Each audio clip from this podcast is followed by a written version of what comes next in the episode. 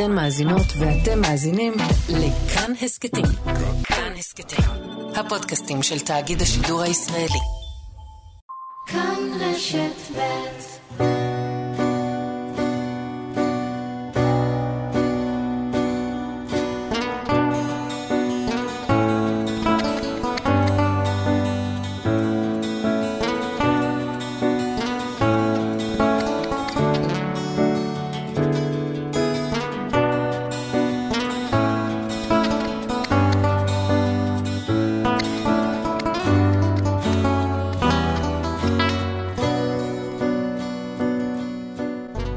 שלום. לפני כמה שנים החלטנו לברוח מהקיץ הישראלי, מהחום, מהלחות, חיפשנו מקום שיהיה קריר גם באוגוסט ונסענו לסקוטלנד, לפסטיבל אדינבורג. גשם ליווה אותנו במונית משדה התעופה ל-Airbnb ששכרנו בפרברי העיר. איזה יופי, צהלנו, גשם, באוגוסט, כמה טוב שנסענו. אלא שהגשם המשיך לרדת כל הלילה, מטפטף על הגג, מכה בחלונות, והמשיך לרדת גם בבוקר. מבריח את אומני הרחוב של הפסטיבל של אדינבורו אל המחסה הכי קרוב. לא נורא, ניסינו לשכנע את עצמנו, העיקר שקריר. אבל הגשם המשיך לרדת ללא הפסקה גם בימים הבאים. בעצם לכל אורך השבוע שהיינו באדינבורו לא ראינו שמש, רק עננים עננים אפורים אפורים.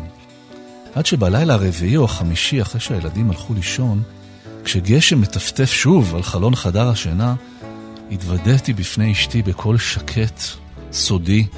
תקשיבי, אני רוצה הביתה. אני רוצה לקיץ הישראלי. תוכנית קיצית במיוחד יש לנו היום. הילה דרור, ביולוגית ימית, תנסה לעשות את הבלתי אפשרי ולגרום לנו לחבב מדוזות, או לפחות להיות סקרנים לגביהן. אלי שוורצברג, מציל, יחלוק איתנו סיפורי הצלה מסמרי שיער וגם ייתן לנו כמה טיפים איך לא לטבוע בים. בואו נצא לדרך, אני מקווה שהתוכנית הזאת תהיה עבורכם היום כמו בריזה נעימה.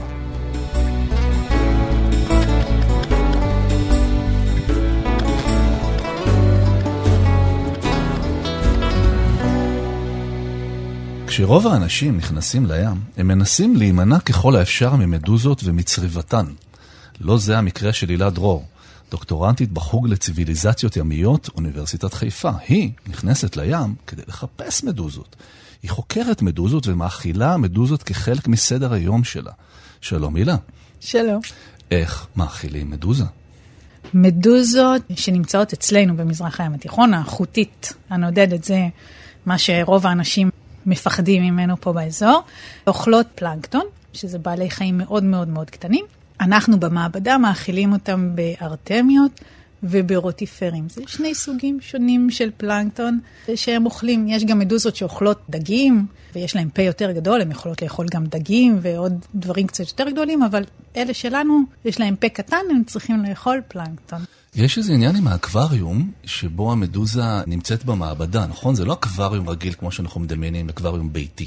כן, גידול מדוזות במעבדה הוא מאוד בעייתי. מדוזות צריכות להרגיש תנועה כל הזמן, ולכן אנחנו מגדלים אותם באקווריומים עגולים, שנקראים קרייסלים, ויש בהם תנועה מעגלית קבועה, ככה שהמדוזות מרגישות אין סוף.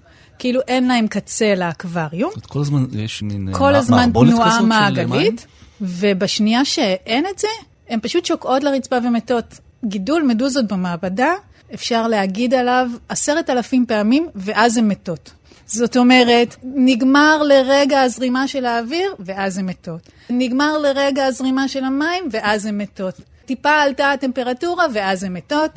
ממש המון פעמים, ואז הן מתות, ואז אתה שואל את עצמך את השאלה, איך זה שיש כל כך הרבה בים, ואז הן מתות כל כך בקלות במעבדה. אז זאת אומרת, בעצם חוקרת אה, מדוזות מגיעה באיזה חשש כל בוקר למעבדה שלה. האם מושאי המחקר שלי יהיו בחיים? היה כמה חודשים שגידלתי מדוזות משלב הפוליפ, והיו לי 60 מדוזות בתוך האקווריום, ובוקר אחד הגעתי, ונפל החשמל, והם לא היו שם יותר. זה בכי גדול. זה קורה. דיברת על הצורך הזה בתנועה מתמדת, ואני רוצה אה, לבשר לך שמצאתי אה, קשר בין הדוקטורנטית למושאי המחקר שלה. כי כשמסתכלים על קורות החיים שלך, מגלים אה, צורך להיות בתנועה מתמדת. האקווריום כל הזמן במערבולת, לא הגעת ישר למחקר של מדוזות. ממש לא. בוא נעשה רגע תקציר קורות חייך, זאת אומרת, איזה תחנות עברנו כדי להגיע לשם. תואר ראשון במדעי המחשב ומינהל עסקים. אני אז חשבתי שאני אהיה אשת עסקים מוצלחת, או איזושהי מנהלת בחברת מחשבים, שמחשבים נראה לי העתיד, אז uh, בחרתי מחשבים. עבדתי בזה כמה שנים, הבנתי שלא כך הדבר, זה לא עושה לי טוב. נשמע כמו מדוזה שירדה לקרקעית האקווריום. כן, כן, כן, כן. ואז דרך איזשהו פרויקט בחברת מחשבים שעבדתי בה, הגעתי ללימודי מזרח אסיה וסינית, וסיימתי תואר גם בלימודי מזרח אסיה וסינית. וזה לא עשה לך טוב? זה היה נחמד, אבל לא מספיק. הייתי טובה בזה, אבל זה לא היה פשן. ומאיפה התחיל העניין של המשיכה לביולוגיה הימית? ים היה מאוד מרכזי בחיים שלי. כשהייתי צריכה להירגע, הייתי הולכת לים. אני תמיד צריכה ללכת לים. אבל אף פעם לא חשבתי על זה בתור מקצוע. ואחרי איזושהי תקופה שהגרנו בקנדה, הבנתי שאני צריכה ללכת לכיוון הזה, ואז עשיתי השלמה בביולוגיה, ותואר שני בביולוגיה, בזואולוגיה, שמירת טבע. ומתי מתחיל סיפור האהבה, אם אפשר לכנות את זה, בינך לבין המדוזה? זאת אומרת, מתי בחרת את החיה המלבבת הזאת כנושא חייך? האמת שזה התחיל מזה שבחרתי פרויקט מאוד ספציפי, שהיה שימוש בריר של מדוזות כדי לנקות מיקרופלסטיק במכוני טיהור שפכים. ממים שלא מצליחים לנקות מהם מיקרופלסטיק. מיקרופלסטיק זה חתיכות פלסטיק מאוד מאוד קטנות, שאם אתה מנסה לנקות אותם מהמים בעזרת מסננות פשוט, אז המסננות נסתמות. אז הרעיון היה לקחת את הריר של המדוזות, שהוא דביק, ולייצר גושים של מיקרופלסטיק, שאז אפשר לשחרר אותם החוצה בצורת גושים. ואנחנו בתהליך של להפוך את זה למשהו אמיתי, בתוך קים וכרמיאל. זאת אומרת, יצא משהו טוב ממדוזות? שהם יעזרו לנו לנקות את הים? יש המון דברים טובים שיוצאים ממדוזות. אוקיי, בואי נשכנע את המאזינים. בואי נפתח את זה. לגשת בצורה חיובית למדוזה הבאה שהם פוגשים. אוקיי, דבר ראשון, אני חושבת, זה עניין ויזואלי. כשאתה הולך לאקווריום ואתה מסתכל על המדוזות שוחות, ואין לך את החשש הזה שהיא תצרוב אותך, כי אתה מסתכל עליה דרך הזכוכית. כן, זה ממש יפה. זה ממש יפה. גם בסיני, אגב. בסיני אתה לא מפחד הן לא צורבות, אבל באמת אפשר להתאהב במדוזה בסיני. נכון. אז אנשים שיש להם הרבה כסף וזמן, ושמים אקווריומים של מדוזות בבית, או במקומות מאוד גדולים, יש אקווריום מאוד מאוד גדול. בשדה תעופה בצרפת, זה דבר מהפנט. אתה יכול לשבת מול זה ולעשות את המדיטציה שלך, אה, לגמרי. אז עניין אחד, עניין האסתטי. כן. עניין שני שיגרום לנו לאהוב? עניין שני, אני אוהבת את זה שאנחנו צריכים משהו מעשי כדי לאהוב משהו. יש פרוטאין מאוד uh, חשוב, ירוק זוהר, שמפיקים ממדוזה, ואנחנו משתמשים בו בכל המחקרים שצריכים לקשור איזשהו חלקיק של משהו למשהו ולהסתכל עליו. מחקרים גנטיים, אה, חלבונים, כל מיני דברים שכאלה. הוא עכשיו הפך להיות דבר מאוד מאוד מרכזי במחקר. הוא מיוצר ממין מסוים של מדוזה. איזה מהמינים? אני לא זוכרת איך קוראים לה, הפרוטין קוראים לו green fluorescent protein. אה, אגב, אכלת פעם מדוזה? כי נוהגים במזרח לאכול. אכלתי. הייתי בסין, במקום של גידול מדוזות למאכל, והם אה, כיבדו אותי בארוחה שלמה שכוללת את כל מה שיש להם מתחת למים, קיפודים, כוכבים, מלפפונים, מדוזות, אצטלנים, בטח טעמתי מהכל. איך היה? אני חייבת להגיד שאני לא אהבתי יותר מדי. יש לזה טעם מאוד מאוד חזק של ים. אני לא מסתדרת עם דברים שיש להם טעם מאוד חזק של ים, אז אה, לא, אבל זה דבר שהוא בהתפתחות מדהימה. זאת אומרת, זה כבר לא רק במזרח. דגים מדוזות למאכל, גם כבר באזור מרכז אמריקה. חלק מהפרויקט שעשינו בזמן האחרון, הם הוציאו ספר בישול יפהפה, שכולל מתכונים עם מדוזות. הם לקחו אה, שפים מאוד ידועים ועשו עבודה משותפת. בעיקר מקפיצים או שמים בסלט. אוקיי, יש אה, מעבר, מעבר לזכוכית פה, אנשים מאהבים את פניהם, אבל אוקיי, בסדר. אבל, אבל רגע, אני, אני חייבת להגיד משהו. אם היית חושב לפני 30 שנה, נגיד, על לאכול סושי, אני זוכרת את סבתא שלי מתארת את הפעם הראשונה שהיא אכלה סושי ביפן ואיך היא הקיאה. כן. אז... זה רק עניין של חינוך. זה לחלוטין עניין של חינוך. אנחנו עם הילה דרור, שהיא חוקרת של מדוזות וביולוגית ימית. אני ככה שם לב שבאמת חוקרי המדוזות, לא רק את, יש איזו התרשמות מהחיה הזאת, זאת אומרת, אין לה מוח, אבל היא כנראה יש בה משהו מרשים. אז מה כל כך מרשים בה? איך שהיא זזה, איך שהיא שורדת, איך שהיא צורבת.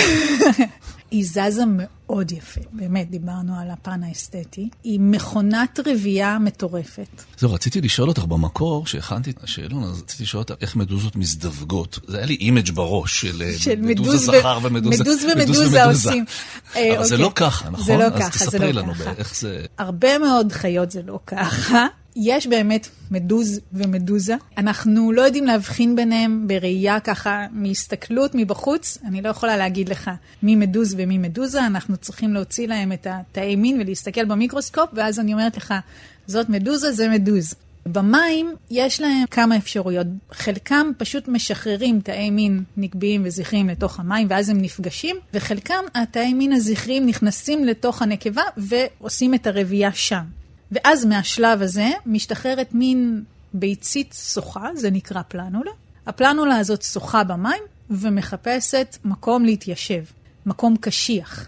בשלב הזה, אגב, הביצית כבר צורבת את האדם, או, שזו אגדה אורבנית שנצרבתי על ידי... אה, לא, מה שאנשים מדברים עליו זה לא זה. הפלנולה מתיישבת לה על מצע קשיח ועושה תהליך שהופך אותה לפוליפ, שדיברנו קודם איך פוליפ נראה כמו שושנת ים קטנטנה בגודל של פחות ממילימטר. הפוליפ הזה כבר כן צורב, יש לו תאי צריבה, אבל הוא כל כך קטן שאתה לא תרגיש את זה.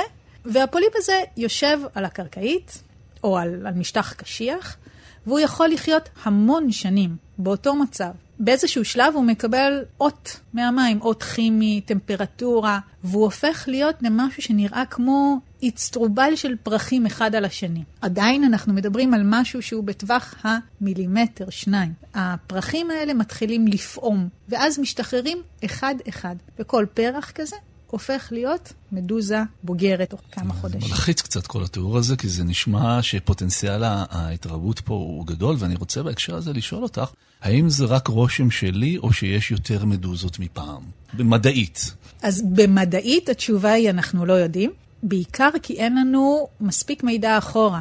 כי לא אספו מספיק מידע אחורה כדי להגיד עלייה, ירידה, אם זה מדובר בארץ. יש לנו דאטה למשהו כמו 10-12 שנים אחורה. כרגע מה שאנחנו רואים זה לא המון שינוי. כן יש עליות וירידות עם השנים, יש שנים שיש המון, יש שנים שיש מעט, יש שנים שהנחיל הוא נורא נורא קצר ומרוכז, ויש שנים שהוא נפרס יותר. וזה עדיין משהו שחוקרים. כן. אומרת, עוד דבר שרציתי לשאול אותך, זה באמת העניין הזה שהן מופיעות, ואנחנו מרגישים את זה, כי זה אי אפשר להיכנס לים, ואז הן נעלמות, ויש גם איזה מין אגדה כזאת שאומרת שהן נעלמות בתשעה באב, כמחווה לחורבן הבית כל שנה. אז למה הן נעלמות? למה הן מפריעות ולמה הן נעלמות? לאן האווזים עפים? בדיוק. לאן המדוזות הולכות? ללבנון? בכללי, התנועה שאנחנו רואים היא מדרום לצפון. זאת אומרת שתחילת הנחיל מגיע אלינו מדרום, והזרם לוקח אותם צפונה לאורך החופים שלנו. אנחנו מקבלים גם תמונות מלבנון, מסוריה, מטורקיה, של מדוזות שמגיעות לשם.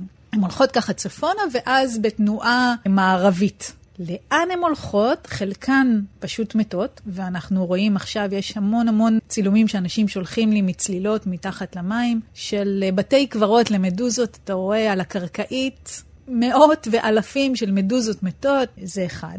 שתיים ממשיכות צפונה ומערבה, וכנראה מתות גם שם, כי הטווח חיים של המדוזה, של החוטית, אנחנו לא יודעים כמה הוא ארוך בדיוק, כי נורא נורא קשה לנו לעקוב אחריהם, אבל זה בטווח של שנה, שנה וחצי, זה לא חיה שחיה המון זמן. וזה גם לא פרפר שחי מעט זמן, זה, אנחנו בכל זאת מדברים כן, על חיה שיש לה נוכחות. וחלקם עושים מין סיבוב כזה, יש זרמים מסתובבים באזור קפריסין, והם עושים סיבוב וחוזרים אלינו בחורף. זאת שיכול להיות שחוטית שפגשתי בקיץ, הצלחתי להתחמק ממנה בקיץ, היא תצרוב אותי בחורף? כן, הן חוזרות אלינו בחורף בריאות מאוד. זאת אומרת, המדוזות שאנחנו פוגשים בחורף הם 50-60 סנטימטר של קוטר, לעומת מדוזות של קיץ שהן בדרך כלל סביב 30-35. אז המדוזות של החורף הן ענקיות, ואנחנו מניחים שזה בגלל שהם עשו את הסיבוב הזה וחזרו. אנחנו לא יכולים להיות בטוחים, בגלל שברוב בעלי החיים יש לך איזשהו מסלול של גדילה. זאת אומרת, אה, מי שקטן הוא צעיר, מי שגדול הוא בוגר. במדוזות זה לא בהכרח ככה. הן יודעות לקטון ולגדול, אם למשל תנאי הסביבה לא ממש מיטיבים. הם יקטנו. יקטנו, אז זה חיה באמת אה, אדפטיבית במובן הזה. כן. אז ו... ככל שאת מדברת יותר, אני, אני לא יודע אם השתכנעתי שאני אוהב מדוזות, אבל אני, אני כן השתכנעתי ש... כן, כי, כי נדמה שרבה נסתר על הגלוי עדיין. זאת אומרת, בתחום מחקר אה, שהוא כן. שוקק. אנחנו עם הילה דרור, שהיא חוקרת מדוזות וביולוגית ימית, ואנחנו מגיעים לשלב השאלון המהיר. אני כבר אבטיח למאזיננו שבסוף השאלון המהיר אנחנו ניגע בשאלה הבוערת, שלא לומר הצורבת, מה, מה עושים כשמדוזה צורבת אותך? כי יש המון תרופות סבתא כאלה, ויהיה מעניין לשמוע ממדענית מה באמת. אבל נתחיל משאלות ככה שיובילו משם. מה חוף הים האהוב עלייך בארץ? כנראה החוף של געש, אני מאוד מאוד אוהבת אותו. קצת קשה להגיע אליו, וזה נוסיף על האהבה, כי מי שמגיע, הוא מגיע כי הוא אוהב. אוקיי. Okay. אני איתך בעניין הזה. מה החוף הים האהוב עלייך בחו"ל? זאת אומרת, אם את יכולה לבחור עכשיו, תן לך mm. כרטיס טיסה, לצלול, לחקור, או סתם להיות עליו. בתקופה שגרנו בקנדה, בוונקובר, אנחנו הלכנו הרבה מאוד לרק ביץ'. שוב, זה חוף שצריך לרדת אליו 500 מדרגות. אבל נכנסים למים? זה לא קר מאוד? קנדים נכנסים למים, ישראלים ככה יושבים, יותר יושבים על החוף. אבל זה חוף שהוא clothing optional. זה לא ניודיסט, זה מה שאתה רוצה. הכל מתקבל. הכל פתוח. הכל מתקבל עד נקודה מסוימת שיש שלט שמפה חייבים בגדים. אוקיי, תחזרי על השם לטובת מאזיננו שרוצים אה, לקחת חלק בפעילות. ריק? ריק ביץ'. ריק ביץ'. זה כמו ריק, הפוך ממלא? אה, ריק. ריק, אוקיי. אה, מה הדבר הכי מפחיד שקרה לך במים? תאונת צלילה זה דבר לא כיף. קרה? כן. וואלה. מה קרה לך? הייתי בתאילנד, הציוד שם לא משהו משהו. מאז יש איזושהי מערכת בדיקות שאני עושה שהיא יותר ממה שמוגדר אה, לאנשים בצילה בדרך כלל. באיזושהי נקודה שאפתי אוויר וגיליתי שאין לי מה. והמח... באיזה עומק היית? עמוק. ארבע עשרה, לא זוכרת בדיוק. השותף שלי היה איזה מישהו שלא הכרתי לפני זה, והוא המשיך לו הלאה, ואני באמת הייתי לבד. וואו. המחט שלי זעיפה, פשוט. היא הראתה 50, אבל לא היה. אז מה עשית? שחיתי נורא נורא נורא מהר. והגעתי עד למדריך. ואסור לשחות מהר. לא טסתי למעלה, שזה כן. הדבר שאסור לעשות. הגעתי אליו ופשוט לקחתי ממנו את הווסת במהירות, והוא הסתכל עליי ואמר לי, מה? אמרתי לו, אין אוויר. הוא מסתכל, מסתכל על המחט, הוא אומר לי, 50. אמרתי לו, אבל אין אוויר. וכך ניצלת בעצם? אה, כן. וואלה. ואחרי זה קשה לחזור למים, אחרי דבר כזה? לא. זאת אומרת, גם בקיץ הזה את הולכת כן. לצלול. האם את מוטרדת מההתחממות הגלובלית? אני מאוד מוטרדת מההתחממות הגלובלית. לא רק מההתחממות הגלובלית, מוטרדת מכל מה שאנחנו הורסים, אנחנו הורסים כל הזמן. זאת אומרת, לא לבנות על המדוזות שינקרו לנו את הים לא, עם הריר. לא, לא, לא. מה הדבר הראשון שהיית עושה? האם היית קבל את ההחלטות היום העולמית כדי לעצור את, שינוי האקלים? כנראה פליטה מכוניות ומטוסים זה הדבר שצריך להשקיע בו, אבל זה עניין, כאילו יש עדיין איזושהי מחשבה שיש ויכוח בעניין הזה? האם יש התחממות גלובלית? יש עדיין אנשים ש... non-believers? אני לא יודעת איך אפשר. אוקיי, okay, העברת, אני חושב, את המסר בצורה מאוד ברורה. ואנחנו מסיימים עם המלצה לשבת, וההמלצה שאנחנו נבקש ממך היא המלצה מאוד ספציפית, שקשורה לתחום המומחיות שלך. הקשבתי לתוכנית בשבת ב-11, ומיד עלה בי חשק עצום ללכת לים. נכנסתי לים, חטפתי צריבה של מדוזה, מה אני עושה? לפני שאני הולך לים, אפשר, נגיד, לבדוק באפליקציה שנקראת מדוזות בעם, לבדוק איפה יש יותר מדוזות ואיפה יש פחות, ואפשר לעשות איזושהי החלטה יותר מושכלת. אוקיי, עד לרמת החוף הספציפי, ממש. כן, כן. אה, אוקיי, צעד שני. שלב אפילו לפני זה. יש כאלה קרמים נגד שמש שיש בהם תכשיר שקצת עוצר את הצריבות. יש עליהם בדרך כלל סימון מדוזה. וזה שווה משהו? לא ניסיתי אף פעם שהתלבשה עליי מדוזה ממש, וזה עבד, אבל כן, כשאני עובדת ואני מוציאה מדוזות מהים ויש לי את התכשיר הזה על הידיים, אז זה פחות צורב. אוקיי, אז יש לנו כבר שני צעדים מונעים, כן. ובכל זאת אם... ועכשיו צעד כן. של אחרי. כן. לשטוף את האזור במי ים, לא במים מתוקים. ולא בחומץ? אה, רגע. כן. לא במים מתוקים, כי מים מתוקים עוזרים לתאי צריבה להתפוצץ עליך. אלה שעוד לא התפוצצו, הם יתפוצצו עליך יותר. אוקיי. Okay. ולנסות ככה לנקות את האזור בעדינות אה, במי ים.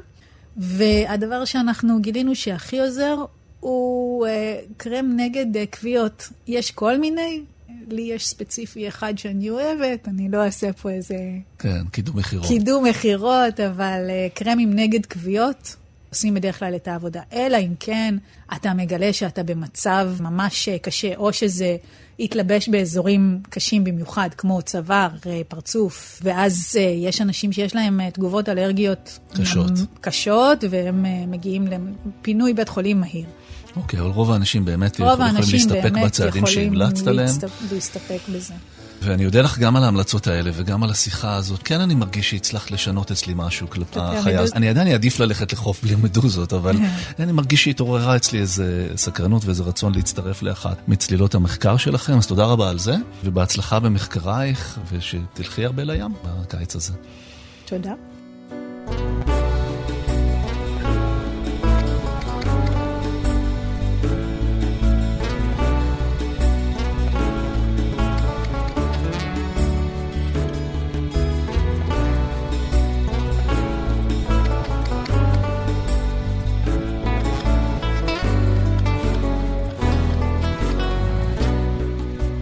אלי שוורצברג הוא מנהל אגף חופים ואגמים בעיריית ראשון לציון, והוא מציל בנשמה ואחראי על מצילים. שלום אלי. שלום וברכה. מתי בעצם התחיל סיפור האהבה שלך עם הים? סיפור האהבה עם הים התחיל מילדות, כילד בת ימי שנולד בבת ים, קרוב מאוד לים. נמשכתי כל הזמן לאזור המים. לאזור החוף, כך גדלתי. אז אתה מתחיל לעשות כמה צעדים קדימה, אז אתה רוכש איזשהו גלשן, אבל אין לך את הכסף לקנות אותו, אז אתה עובד קצת בכיסאות, ואתה קצת אה, עוזר למצילים. למה? כי אתה רוצה להיכנס למים. אז זאת היית עוזר מציל, לפני שהיית כן, מציל. נכון, נכון. עוד בהיותי נער, כן. ומתי בעצם עלית פעם ראשונה לסוכת המציל כמציל מוסמך? את התעודה הרשמית שלי, שאז במשרד העבודה, הוצאתי אותה בגיל 18, ממש עם הגיוס, מה שנקרא. מה אתה אומר? כן, ואז אה, בחופשות הצבאיות כמובן, היינו מגיעים ועובדים סופי שבוע. כן. כמובן, כל איזשהו אפטר שיצאנו מוקדם, וכמובן סוף שבוע, אז לא לבוא ולישון בבית ולהתפנק עם אימא, מה שנקרא, אלא פשוט ללכת. עולים לסוכה.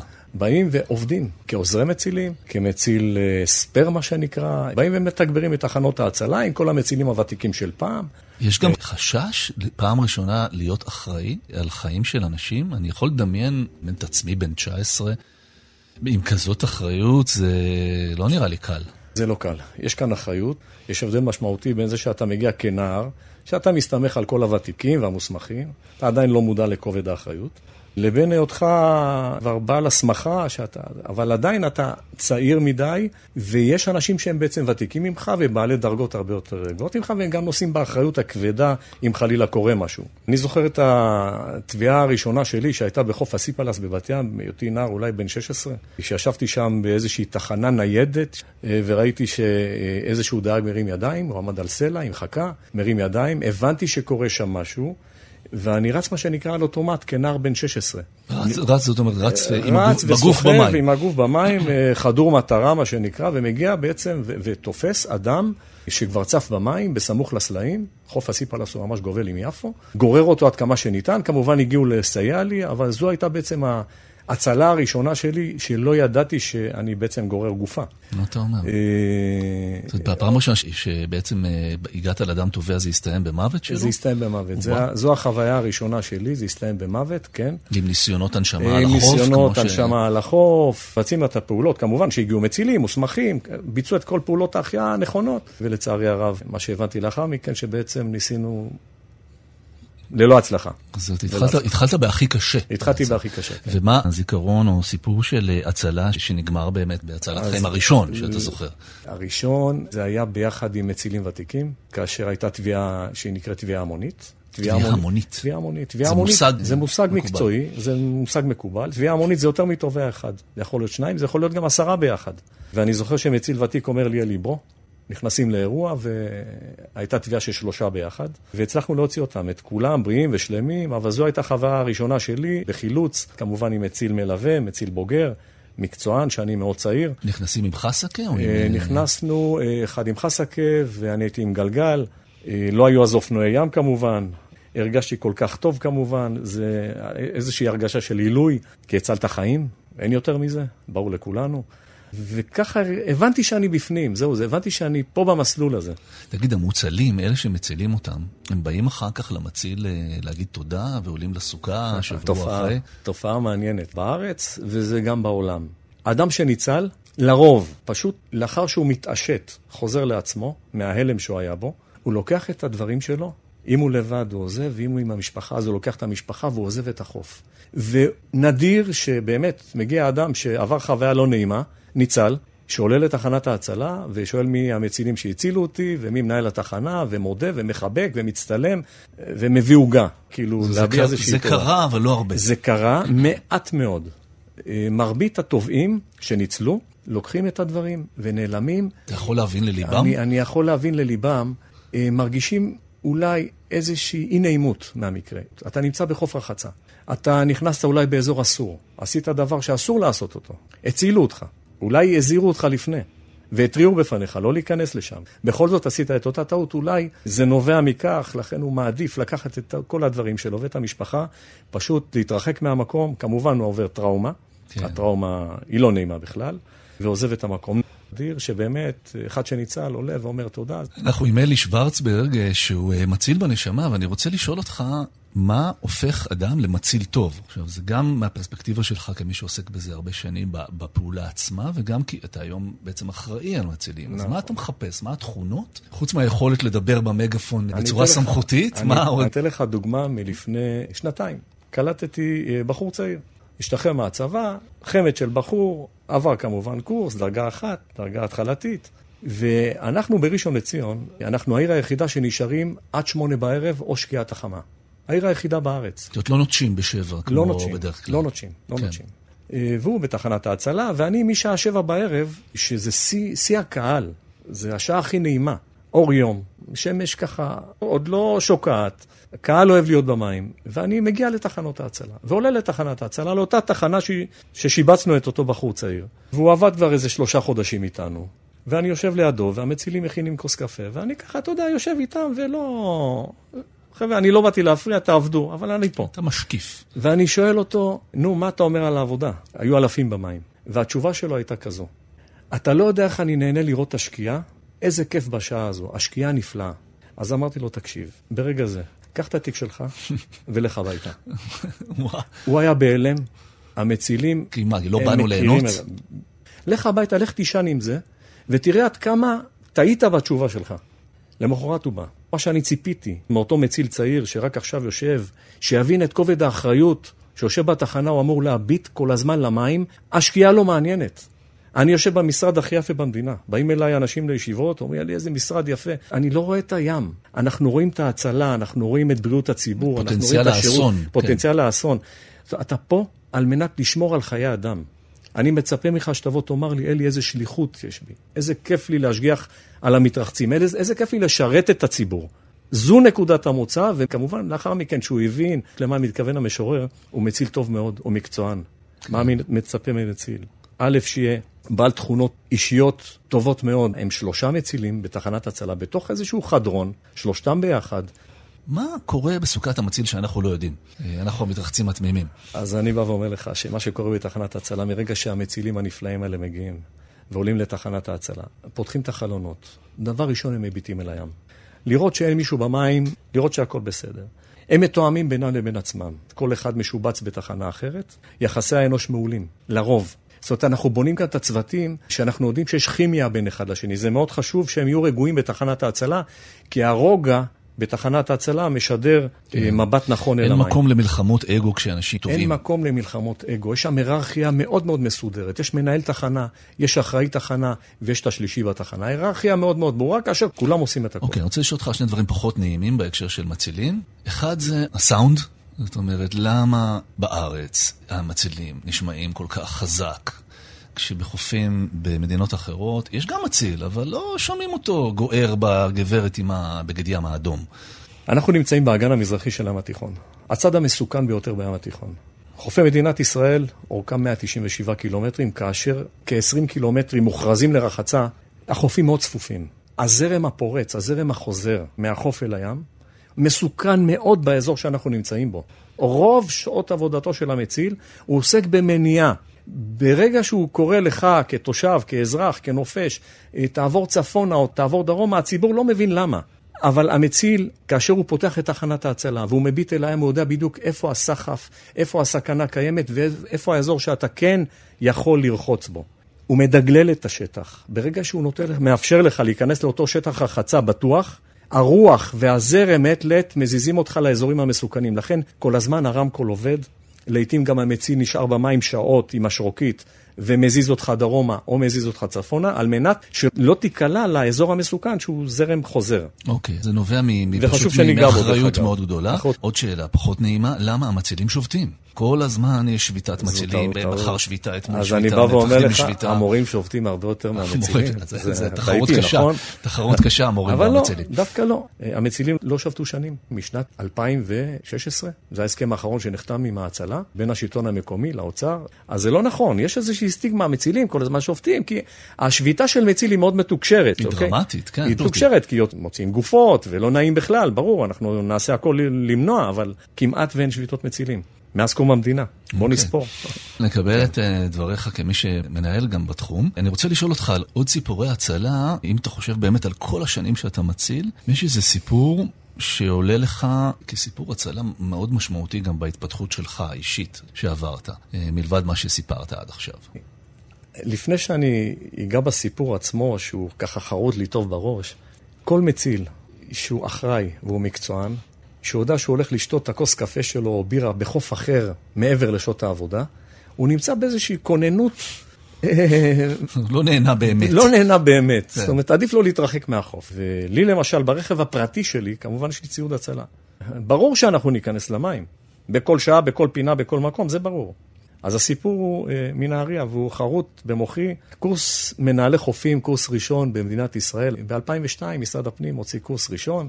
ירדנו לנהריה כחלק מהקורס עצמו, והיינו באחד מבתי המלונות שם בגעתון, אה, מלון קטן ונחמד, לא נאמר שמות. מנהל הקאנטרי שמע שאני בנהריה, ואנחנו מכירים, גם יש לנו בינינו ידידות, אמר לי, תבוא תבקר. הכל במסגרת החופשה בכלל, אנחנו עוד לא בעבודה מקצועית. אני לא, אנחנו בעבודה מקצועית. אנחנו בעבודה מקצועית. אני בנהריה במסגרת קורס, אוקיי? אוקיי, אבל אתה לא בתפקיד. אני לא בתפקיד כן. כרגע. אני מתאמן כל בוקר. אוקיי, מדי בוקר אני מתאמן, יש לי את האימונים שלי. וכשהגעתי לשם באותו בוקר, לא יצא לי לקום מוקדם, כי קצת חגגנו שם בלובי, וקמתי קצת מאוחר, ויש לנו שיעור בשמונה בבוקר. אז לא התאמנתי, וזה מאוד הפריע לי.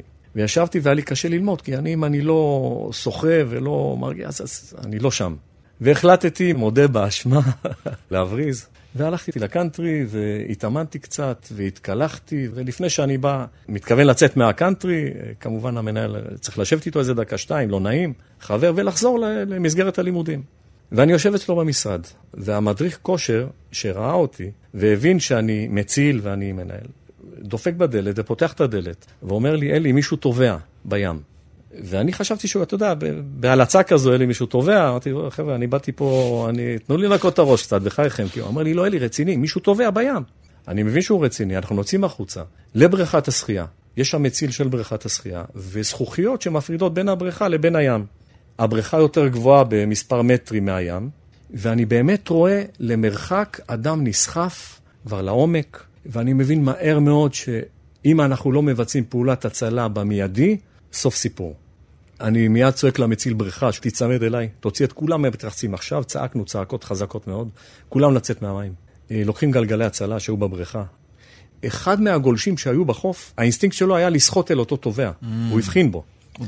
והוא שחה, אז בעצם מרגע זה... זו טביעה המונית כבר. בדיוק, זו טביעה המונית. ומרגע זה שהוא נכנס, שחה אליו, והוא רצה להגיע אליו, בעצם גם הוא נתפס בזרם. הוא לא מכיר את זרמי הים עם כל זה שהוא גולש גלים. וכשאני הגעתי ממש לשפת המים, יש סלעייה וגדרות תיל. הקאנטרי שם גדרות תיל שלא יתגנבו להם אל הקאנטרי, כן. אז... ואתה צריך לרדת עכשיו אל המים ולעבור את הגדרות תיל האלה. ואין פה הרבה זמן. חיי אדם. אבל כשאתה שם, אתה כן. מבין שאו-טו-טו הבן אדם ישקע, ומרגע שהוא שוקע, אנחנו באופרה שונה לחלוטין. אני אומר לאותו מציל בריכה, קח גלגל איתך. לקחנו מיטות שיזוף, זרקנו מיטות שיזוף על הגדרות תיל, הידרדרנו איכשהו לתוך המים, אני אומר לו, תשחה אל הגולש, שהוא במצב הרבה יותר טוב פיזית, אני שוחה אל השני. הוא שחה אליו, אני שוחה לאדם שממש אני מגיע אליו, הוא היה כבר בכוחותיו האחרונים, הוא כבר שקע. הוא היה איזה מטר למטה, ואני צועק לו מרחוק, תחזיק מעמד, לתת לו איזשהו אוויר לנשימה, מישהו בדרך אליך. הצלחתי לאחוז בו, ואני מלביש עליו את הגלגל, ואנחנו גוררים אותו, ואני בעין על המציל השני, שהוא לא מקצוען בים, מבקש ממנו, תחבור אליי חזק, חזק, חזק, שנהיה כולנו ביחד, גוררים את הבן אדם לחוף. הוא איבד הכרה, הוא כבר לא שיתף פעולה, אז הגרירה הרבה יותר קשה.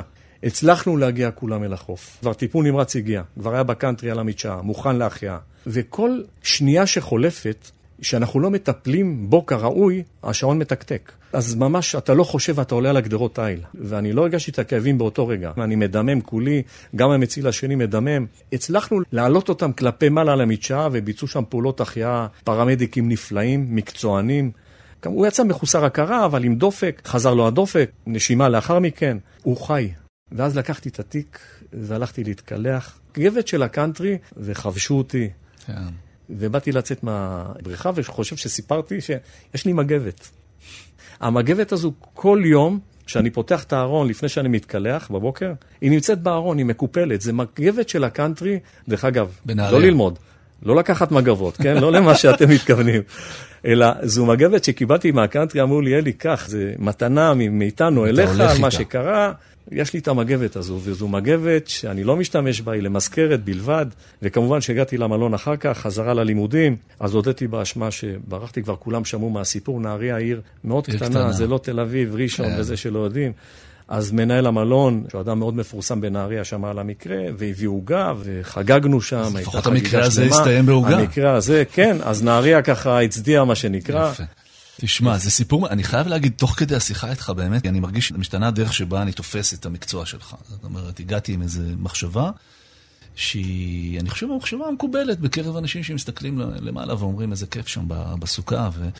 ואני מוצא מולי, ובן אדם מאוד דרוך, אני רואה את המבט שלך, איזה מבט כזה, איזו תחושה של אחריות מאוד כבדה, ושל איזו מוכנות כמעט שהיא בלי הפסקה. אני חושב שאני אסתכל אחרת בפעם הבאה, שאני אהיה בחוף, אסתכל על המציל. אנחנו עם אלי שוורצברג, שהוא מציל ומנהל של מצילים, ואנחנו מגיעים לשאלון המהיר, אני אשאל אותך כמה שאלות קצרות. אחרי כל הדריכות הזאת, ואחרי זה שאתה מספר לנו שגם כשאתה נמצא בבילוי ושותה בירה בים, אתה בעצם מוכן להציל, נשאלת השאלה, מה תעשה כשתפרוש?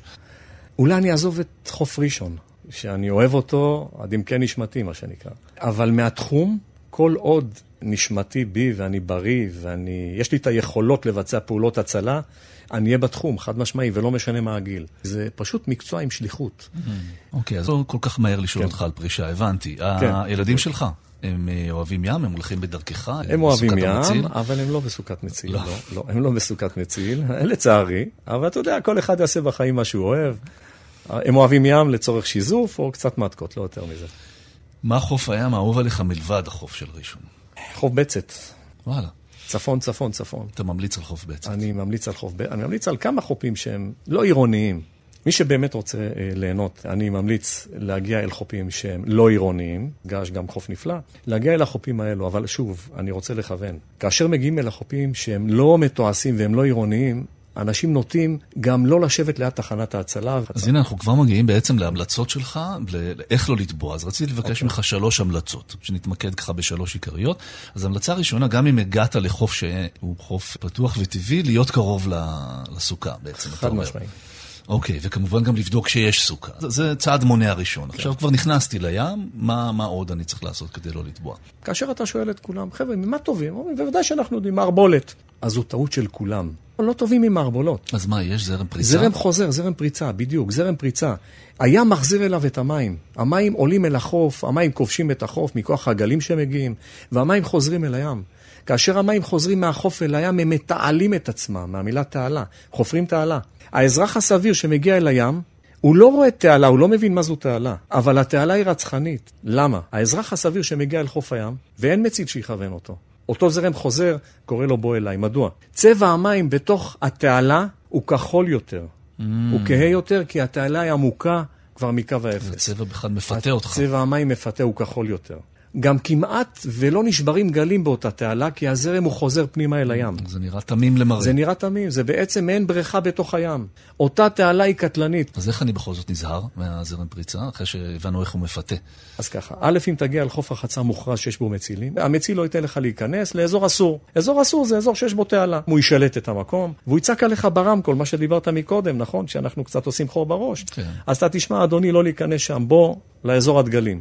אז א', אתה תדע שזה אזור אסור. אם נקלעת חלילה למצב שכן נקלעת לאותו סחף, יהיה מי שיחלץ אותך, אם אתה נמצא בחוף מוכרז.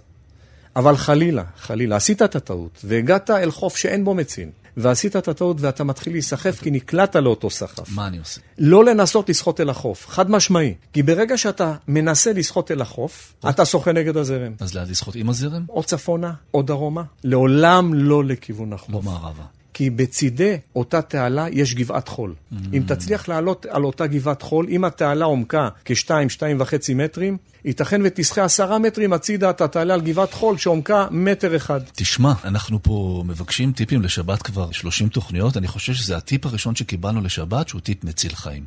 אז אני רוצה להודות לך על זה, ובכלל על השיחה הזאת שהייתה אה, מאירת עיניים, גם לימדת על מה שאתה עושה וגם עשית חשק, ללכת לים בצורה בהחלט, בטוחה. כן. בהחלט. אני מאחל לך רק הצלות מוצלחות, ולכולנו קיץ רגוע. תודה רבה לך, וחזרה נעימה לים. תודה, תודה רבה.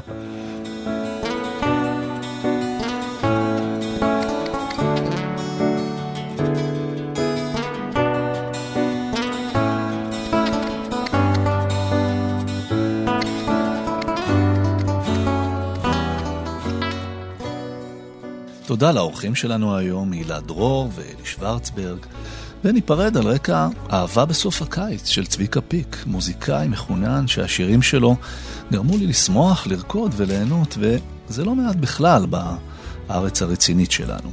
ואני רוצה להיפרד מכם על רקע הצלילים ולהגיד גם תודה לאיילת דוידי, המפיקה, התחקירנית והעורכת של התוכנית, לאמיר שמואלי ושמעון דוקרקר על הביצוע הטכני. תודה לבת שלי עמליה שהייתה איתנו היום באופן חריג בתוכנית ועוררה בי השראה רבה. נשתמע בשבוע הבא.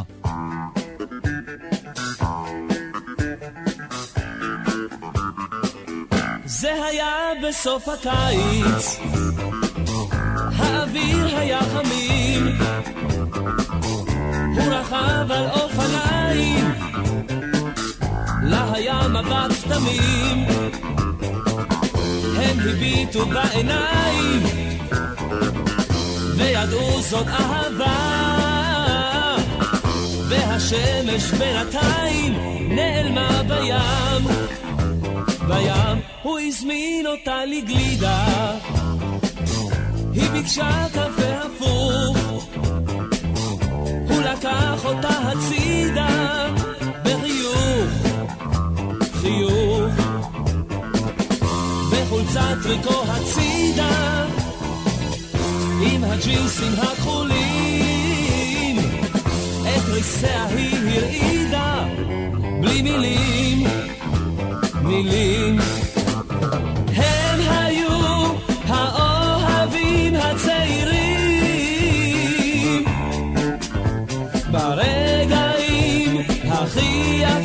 יפים של החיים